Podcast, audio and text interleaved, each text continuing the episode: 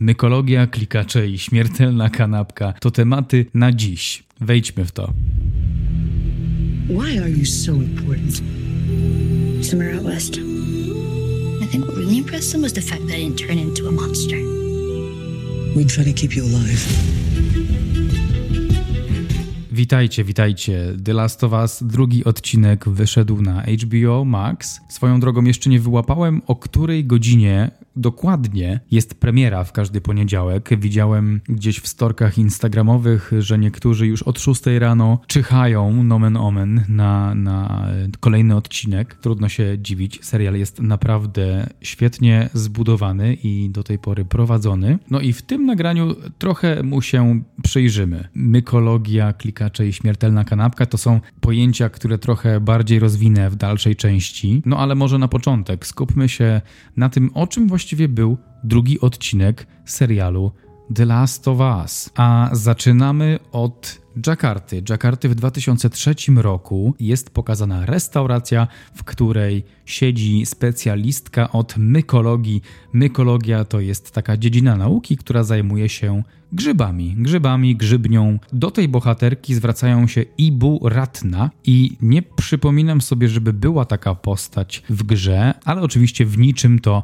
nie przeszkadza. Ibu Ratna jest transportowana przez wojskowych do zamkniętego obiektu, w którym przebywa ofiara maczużnika, czyli tego Cordyceps fungus. Po tej scenie, swoją drogą bardzo intensywnej, pełnej napięcia, Ibu Ratna stwierdza, i to też komunikuje wojskowemu, że najlepszym sposobem na opanowanie infekcji jest bombardowanie miast. Krótko mówiąc, agresywna likwidacja zarażonych kosztem zdrowych ludzi. To jest początek odcinka, później przeskakujemy do Joel, Tess i Ellie, którzy wydostali się ze strefy kwarantanny i ruszają do ratusza, gdzie mają odstawić Ellie świetlikom. Świetliki ugrupowanie, które uformowało się po zaobserwowaniu, jak nieudolnie rząd radzi sobie z tego rodzaju pandemią.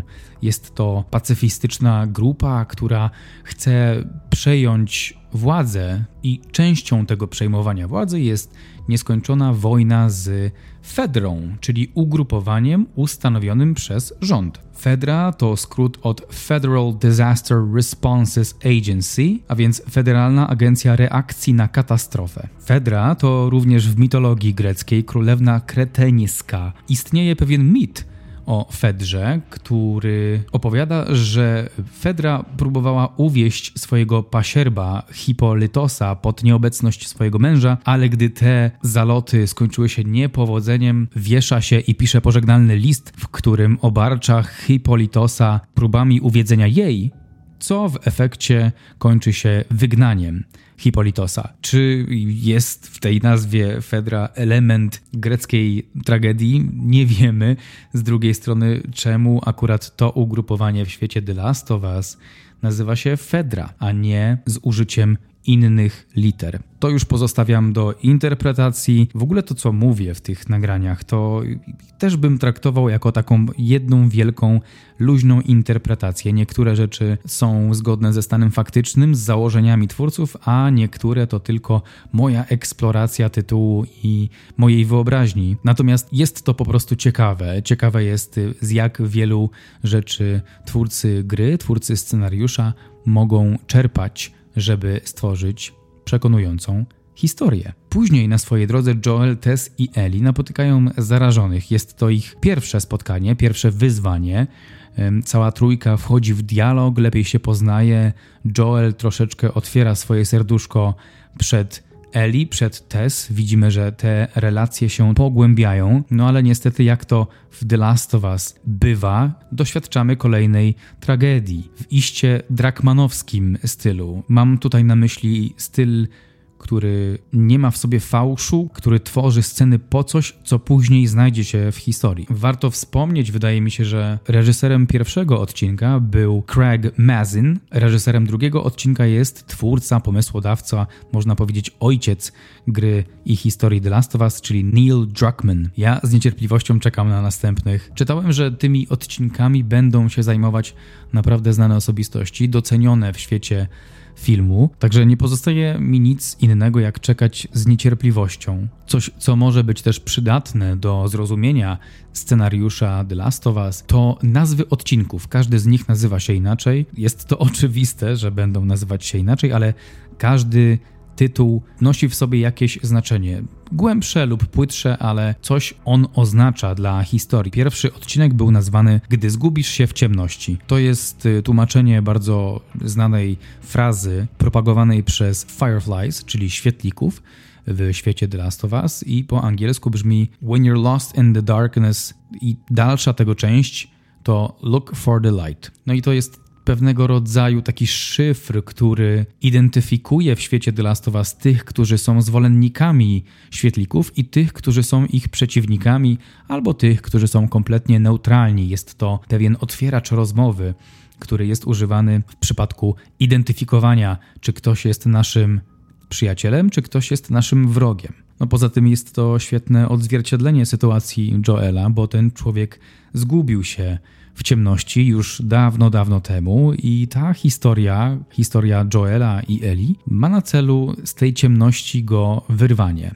Ale o tym jeszcze później skupmy się na tym, co dzieje się obecnie w serialu. Nazwa drugiego odcinka to Zarażeni. To jest ważne z perspektywy scenariusza, ważne to było przynajmniej dla Nila Druckmana, aby odróżnić zombie od zarażonych. W jego opowieści przeciwnicy to zarażeni, tak zwani infected po angielsku, czyli osoby, które były zakażone jakimś wirusem, które są rezerwuarem tego pasożyta i tym samym ofiarą tego pasożyta. Słowo zombie może się kojarzyć bardziej pejoratywnie i jest to w świecie popkultury, w świecie kinowym, growym, jest to jeden wielki worek, do którego wrzuca się wszystko, co jest otępiałe, niemyślące, nieżyjące w taki sposób, w jaki żyje reszta ludzi. Można nazwać kogoś zombim, w momencie, gdy patrzy na telefon 13 godzin dziennie i nie podnosi głowy, aby zobaczyć, co się dzieje 3 metry przed nim. Można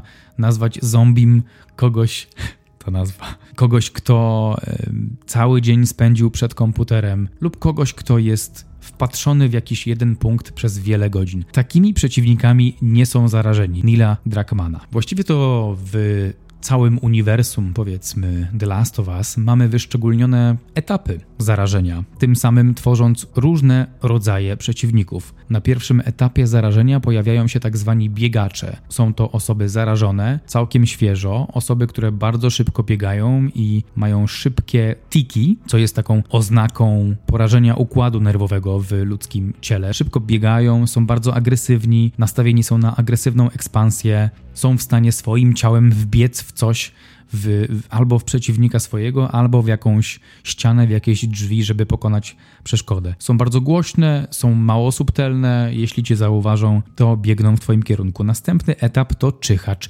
Czyhacz już jest spokojniejszy, jest bardziej zarażony, ma więcej tej grzybni na sobie, w swoim ciele i, i na powierzchni tego ciała. Zwykle chowa się za przeszkodami i ciężko jest zaskoczyć czyhacza, to czyhacz zaskakuje ciebie, ponieważ zwykle wyskakuje za jakiejś przeszkody po to, aby zaatakować. Następny etap to klikacz, czyli ewolucja biegacza i czyhacza i to też tak wygląda. Te następne etapy to są ewolucje tych poprzednich. Klikacz porusza się za pomocą tak zwanej echolokacji. Echolokacja to zjawisko występujące wśród nietoperzy, czyli rozpoznawanie przestrzeni poprzez wydawanie dźwięków. Te dźwięki są wydawane po to, aby odbijały się od powierzchni pomieszczenia, w którym w danym momencie klikacze się znajdują, po to, żeby dostać informację zwrotną, jak daleko jest ten obiekt, do którego się zbliżam. Nic nie widzą, ale mają bardzo dobry słuch. I to właśnie klikacze w tym drugim odcinku się pojawiły. Następnie są człapacze, to są już większe rodzaje zarażonych e, zwykle są obrośnięci tą grzybnią. Jest tam kilka warstw, zanim dojdzie się do organów wewnętrznych. E, wydzielają gazy, które są e, drażniące, jak kwas. Nie można się ogólnie do nich zbliżać, bo z bliska są bardzo niebezpieczne. Potem jest purchlak, czyli już zaawansowane stadium zarażonego. Zwykle jest to od kilku do kilkunastu lat bycia zarażonym. Cała skóra jest pokryta grzybnią, czaszka jest zdeformowana, zamiast głowy powstaje taki wielki grzyb, taka trochę chuba. No i te osobniki są wolniejsze, tak samo jak człapacze, ale są bardzo niebezpieczne. Na końcu jest Król Szczurów i tutaj opowiadam o historii tej, e, tej growej, tej, tego scenariusza z gry. Król Szczurów pojawił się w The Last of Us Part 2, czyli w drugiej części. Król Szczurów to taki boss, można powiedzieć. Jest to zlepek kilku poprzednich zarażonych. Jest to wielka jedna postać złożona z kilku małych, zrośnięci są wszyscy tą grzybnią i taką tkanką, która trzyma ich razem, czyli jest to stwór, który ma kilka par nóg, kilka par rąk, e, ma wielką głowę, jest toporny, jest jak czołg, jak w ciebie wbiegnie, to cię zniszczy. Takie są etapy. Tak sobie to wymyślili, a w tym odcinku poznajemy maczużnika jeszcze lepiej. Ciekawe było to, że Tess wyjaśnia, że ten cordyceps, czyli maczużnik, działa na zasadzie sieci neuralnej, co jest w ogóle zasadą numer jeden w mykologii. Istnieje taka teoria, y, rozprowadza ją głównie w świecie medialnym, powiedzmy, Paul Stamets, taki przedsiębiorca mykolog, który obecnie chyba mieszka w Kanadzie ze względu na, na sprzyjające mu prawo do rozwoju swojego zawodu i swoich planów. Twierdzi on, że grzyby to odmienne królestwo stworzeń. Ogólnie mamy pięć królestw. Są to rośliny, zwierzęta, bakterie, protisty, czyli mikroorganizmy takie jak pantofelek czy ameba i grzyby. Grzyby są bardzo podobne w działaniu do człowieka. Stamets sugeruje, i to jest y, taka moja luźna interpretacja, że internet musiał się pojawić prędzej czy później, ponieważ przykład takiego połączenia już istnieje w Królestwie Grzybów. Są to wielokilometrowe grzybnie, które znajdują się pod ziemią i tworzą jeden organizm, który zachowuje się jak najbardziej inteligentna forma życia na Ziemi. Istnieje również taki eksperyment brytyjsko-japoński. Naukowcy brytyjscy i japońscy spotkali się, aby stworzyć system komunikacji w Tokio i narysowali mapę. Na mapie położyli jedzenie w miejscach przesiadkowych i pozwolili wyhodowanej przez nich grzybni rozprzestrzeniać się, tym samym pokazując najkrótsze i najbardziej optymalne trasy. To rozwiązanie później zostało wprowadzone w życie. Podobno taki sam eksperyment przeszedł sklep IKEA, chociaż nie wiem, czy w tym przypadku to wyszło na plus, czy, czy ta grzybnia wyświadczyła nam przysługę bo jednak w Ikei można się zgubić. Bardzo fajnie, że Tess powiedziała, że ten, ten maczużnik ma jak, jakiś ma jakiś układ nerwowy, że to jest taka sieć neuralna.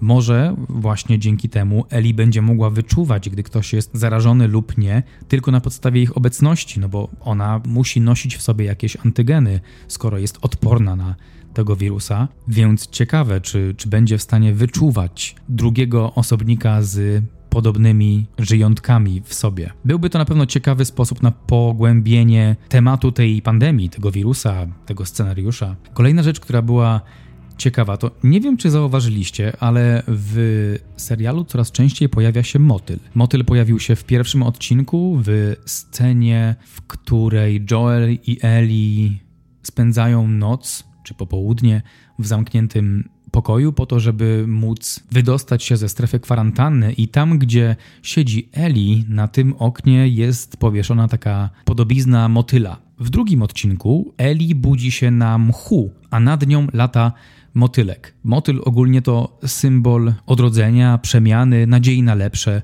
więc możliwe, tak ja wybieram o tym myśleć, że w tych scenach przyglądamy się Eli bardziej z perspektywy Joela i mamy podobną nadzieję na to, że Joel wyleczy swoją traumę poprzez rozwijanie tej relacji z Eli. Eli swoją drogą, co jest wymienione w informacjach na temat całego serialu, Mamę Eli gra Ashley Johnson, czyli dziewczyna, która oryginalnie grała Eli, użyczała sylwetki i głosu postaci Eli w grach. Także super ciekawa rzecz. Ashley Johnson jeszcze się nie pojawiła w serialu. Ciekawe, kiedy ją włączą do tej historii. Zauważyłem też, że Troy Baker będzie w serialu. Też nie wiem w którym konkretnie momencie, ale jest to też taki fajny sposób na podziękowanie im za ich zaangażowanie w rozwój tej historii. Ta scena, w której Ellie się budzi na tym mchu, rozmawia z Joelem i Stes, jest trochę zabawna, bo Eli, jak to też w grze było, prosi o pożyczenie jej broni. I zarówno w grze, jak i w serialu Joel, Tess kategorycznie odmawiają, mówią, że nie będą dawać jej broni. No, na tym etapie oni jej jeszcze nie do końca ufają. Nie wiedzą, co to jest za sytuacja, czemu ona jest odporna, czy rzeczywiście jest odporna, co to za jakieś czary, więc broni jej nie dają. Na co Eli odpowiada bardzo zabawnie zresztą, dobrze, to będę rzucać w nich kanapką. W nich, czyli w zarażonych. Także czuć ducha Eli, jaką znamy z gier. Ciekawe jest to, że już widzimy, w jaki sposób odcinki są budowane. Jest tam pewna struktura. Zarówno w pierwszym, jak i w drugim odcinku początkowe sekwencje to retrospekcje. W pierwszym odcinku był tu rok 68, w drugim odcinku mamy rok 2003. W obu tych przypadkach Przynajmniej do tej pory, nie wiemy jak będzie w kolejnych odcinkach. To, co zwykle dzieje się na początku odcinka, jest połączone klamrą z jego późniejszą częścią. Pierwszy odcinek specjaliści podpierają pandemię zmianą klimatu i pojawieniem się grzybów. Drugi odcinek na początku słyszymy o bombardowaniu miast, aby zapobiec rozprzestrzenianiu się infekcji, a później podobnie zbombardowane miasto widzimy w trakcie podróży naszych protagonistów. Także to może być pewien schemat, całkiem przyjemny zresztą, ale czy tak jest naprawdę, to oczywiście dowiemy się później. Także ja jestem bardzo, bardzo zadowolony i spełniony po tym drugim prawilnie zbudowanym odcinku przebija się wyraźna struktura opowieści. Jest mądrze uzupełniana, rozszerzana. Spotykanie zarażonych wywołuje podobne emocje co w grze. Da się odczuć ich nieubaganą bliskość. Przypomina to trochę sen, w którym żądli cię osa, a twoje ruchy są tak powolne, takie ślamazarne, że nic nie możesz z tym zrobić. Wiesz, że nadciąga niebezpieczeństwo, ale jesteś w paraliżu. Jeśli chodzi o rolę, to nie do końca wierzyłem grającej Tess Annie Torf. Znam ją z serialu Mindhunter i do tamtej roli pamiętam, że to jej wyważenie, taki chłód, bardziej pasowało, ale w The Last of Us trochę brakuje mi tego pazura Tess. Tess w grze była temperamentna, no ale może właśnie to miał na myśli Joel, mówiąc, że jest z Detroit, Michigan, bo no nie wyobrażam sobie, żeby ludzie pochodzący z Detroit byli najbardziej temperamentnymi postaciami na planecie. No i oczywiście, że będę porównywał do gry, bo w grę grałem wielokrotnie. Tam Tess rzeczywiście jest trochę bardziej wyraźna, bardziej zarysowana, ale w serialu Tess rozwijana jest z trochę innej perspektywy, co też jest bardzo wartościowe i widać więcej w relacji Joela i Tess. Tam się dzieje więcej. W grze to było tak bardzo po powierzchni, w serialu Widać, że oni mają jakąś relację, że ona wie, kim jest Joel, jaką traumę niesie w sobie, jak bardzo oni obydwoje musieli się zmienić, żeby przetrwać w tym nowym, niesprawiedliwym świecie i to też działa. Odcinkowi numer dwa daje ocenę 8 na 10. Według mnie bardzo dobre przedstawienie klikacza. Eli i Joel trochę się odkryli przed sobą, no i mamy bardzo wyraźny kierunek, w jakim zmierza ta opowieść. Ja nie mogę się tego doczekać. To tyle ode mnie na dziś. Bardzo dziękuję za Waszą uwagę. Jak zwykle zapraszam do dialogu. No i do usłyszenia.